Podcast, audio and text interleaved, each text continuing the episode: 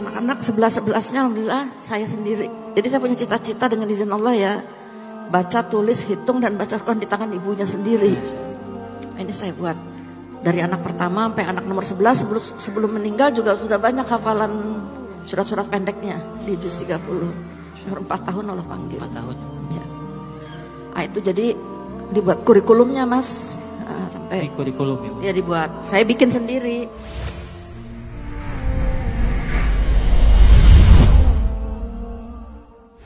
Bun, Iya. saya mau nanya ke Bunda deh. Siap 10 Bun. 10 anak Bunda. yang ada. Yang ada ya, yang ada. Saya aja tiga Bun di rumah. Kadang suka bingung ngurusnya bagaimana. Kasih tips dong Bun. 10 anak yang ada, semuanya hafiz Quran. Apa sih tips yang paling utama yang harus dilakukan oleh orang tua agar anak-anak bisa menjadi seperti itu? Itu Bun. Bismillahirrahmanirrahim. Rabbi syrah li sadri wa yassir li amri wa hubatan min lisani yafqahu qawli. Pertama memang tips tips ya praktis. Boleh Bun. Eh, ber- menyandarkan diri kita kepada Allah Subhanahu wa taala. Karena anak ini titipan. Jadi minta tolong sama Allah. Hari itu kok saya apa ya? Tiap tahun melahirkan. Jadi orang lihat saya itu kalau nggak gendong di dalam, gendong di luar. Anak yang paling dekat umurnya itu nomor satu, nomor dua, nama nomor enam dengan nomor eh, nomor tujuh dengan nomor delapan. Nah, alhamdulillah ke empat-empatnya sudah selesai 30 juz dan ya secara umum Allah beri karunia berprestasi. Yang kedua, memang harus kerjasama dengan suami. Ini penting. Alhamdulillah ada bapak dan ibu di sini hadir. Tepuk tangan buat bapak-bapak utamanya. Tepuk tangan Bapak-bapak. Karena pemimpin dalam keluarga itu adalah bapak. Ya. Istri pada dasarnya yang mengikuti visi bapak. Dan alhamdulillah suami saya klop Allah kasih. Ya, dia sibuk dakwah, tahu-tahu dilihat sampai rumah anak-anaknya udah pada pintar ngaji, udah bisa baca Quran, hafalannya sudah nambah. Begitu lihat saya hamil terus, jadi dia ambil anak yang paling gede untuk setoran hafalan sama bapak. Nah, saya sementara pegang adik-adiknya. Yang ketiga, memang ini tips juga ya saya kira penting Bapak Ibu membuat eh, peta kayak kurikulum lah gitu.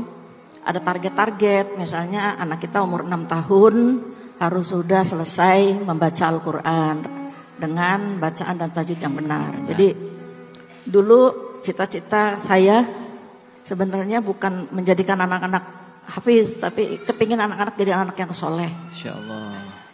Nah, soleh itu mencakup semuanya. Nah, Allah kasih ya kemudahan untuk menghafal Al-Quran. Ini juga sesuai insya Allah dengan perintah Allah dalam Al-Quran. Rabbi habli minas solihin. Juga hadis Rasulullah Sallallahu Alaihi Wasallam, waladun solihun yadu'lahu. Jadi yang diminta oleh Allah kepada kita bagaimana mendidik anak-anak menjadi anak yang soleh. Nah itu, jadi saya suka nangis juga nih sebenarnya nangis sama dengan anak-anak. Boleh Bu, nggak apa-apa. Kalau nangis saya itu kalau anak-anak udah di atas tujuh tahun, saya takut mereka nggak bisa baca Quran. Jadi saya sampai yang ini keempat ya janji saya kepada Allah. Pokoknya gimana jangan sampai anak-anak bisa baca Quran di tangan orang lain. Anak-anak sebelas sebelasnya alhamdulillah saya sendiri. Jadi saya punya cita-cita dengan izin Allah ya baca, tulis, hitung dan baca Quran di tangan ibunya sendiri. Ini saya buat dari anak pertama sampai anak nomor 11 sebelum sebelum meninggal juga sudah banyak hafalan surat-surat pendeknya di juz 30. Umur 4 tahun Allah panggil. 4 tahun ya. Ya.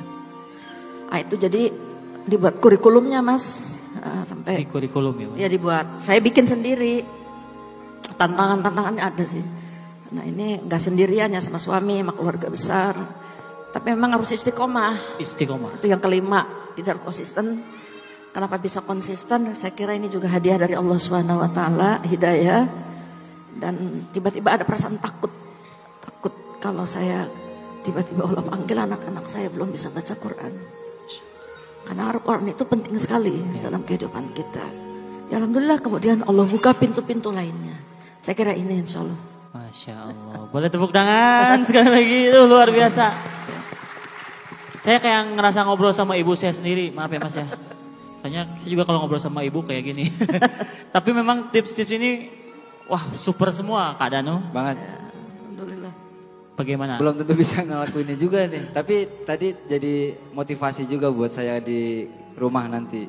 Bang Ari juga gitu ya. Iya, Punya tiga aja Bang Ari ya. tiga betul. Tapi nggak sulung semua sih. saya juga tadi bercanda kok. Oh, bercanda. bercanda.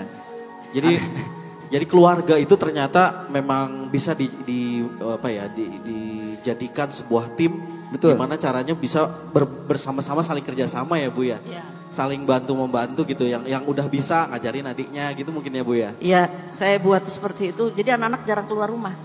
Masa. Saya bikin anak nomor satu bertanggung jawab dengan anak yang nomor sembilan. Oh iya iya. anak yang nomor dua bertanggung jawab pada anak yang nomor 10. Jadi tingkat kesulitan yang paling tinggi dipegang oleh anak yang paling besar.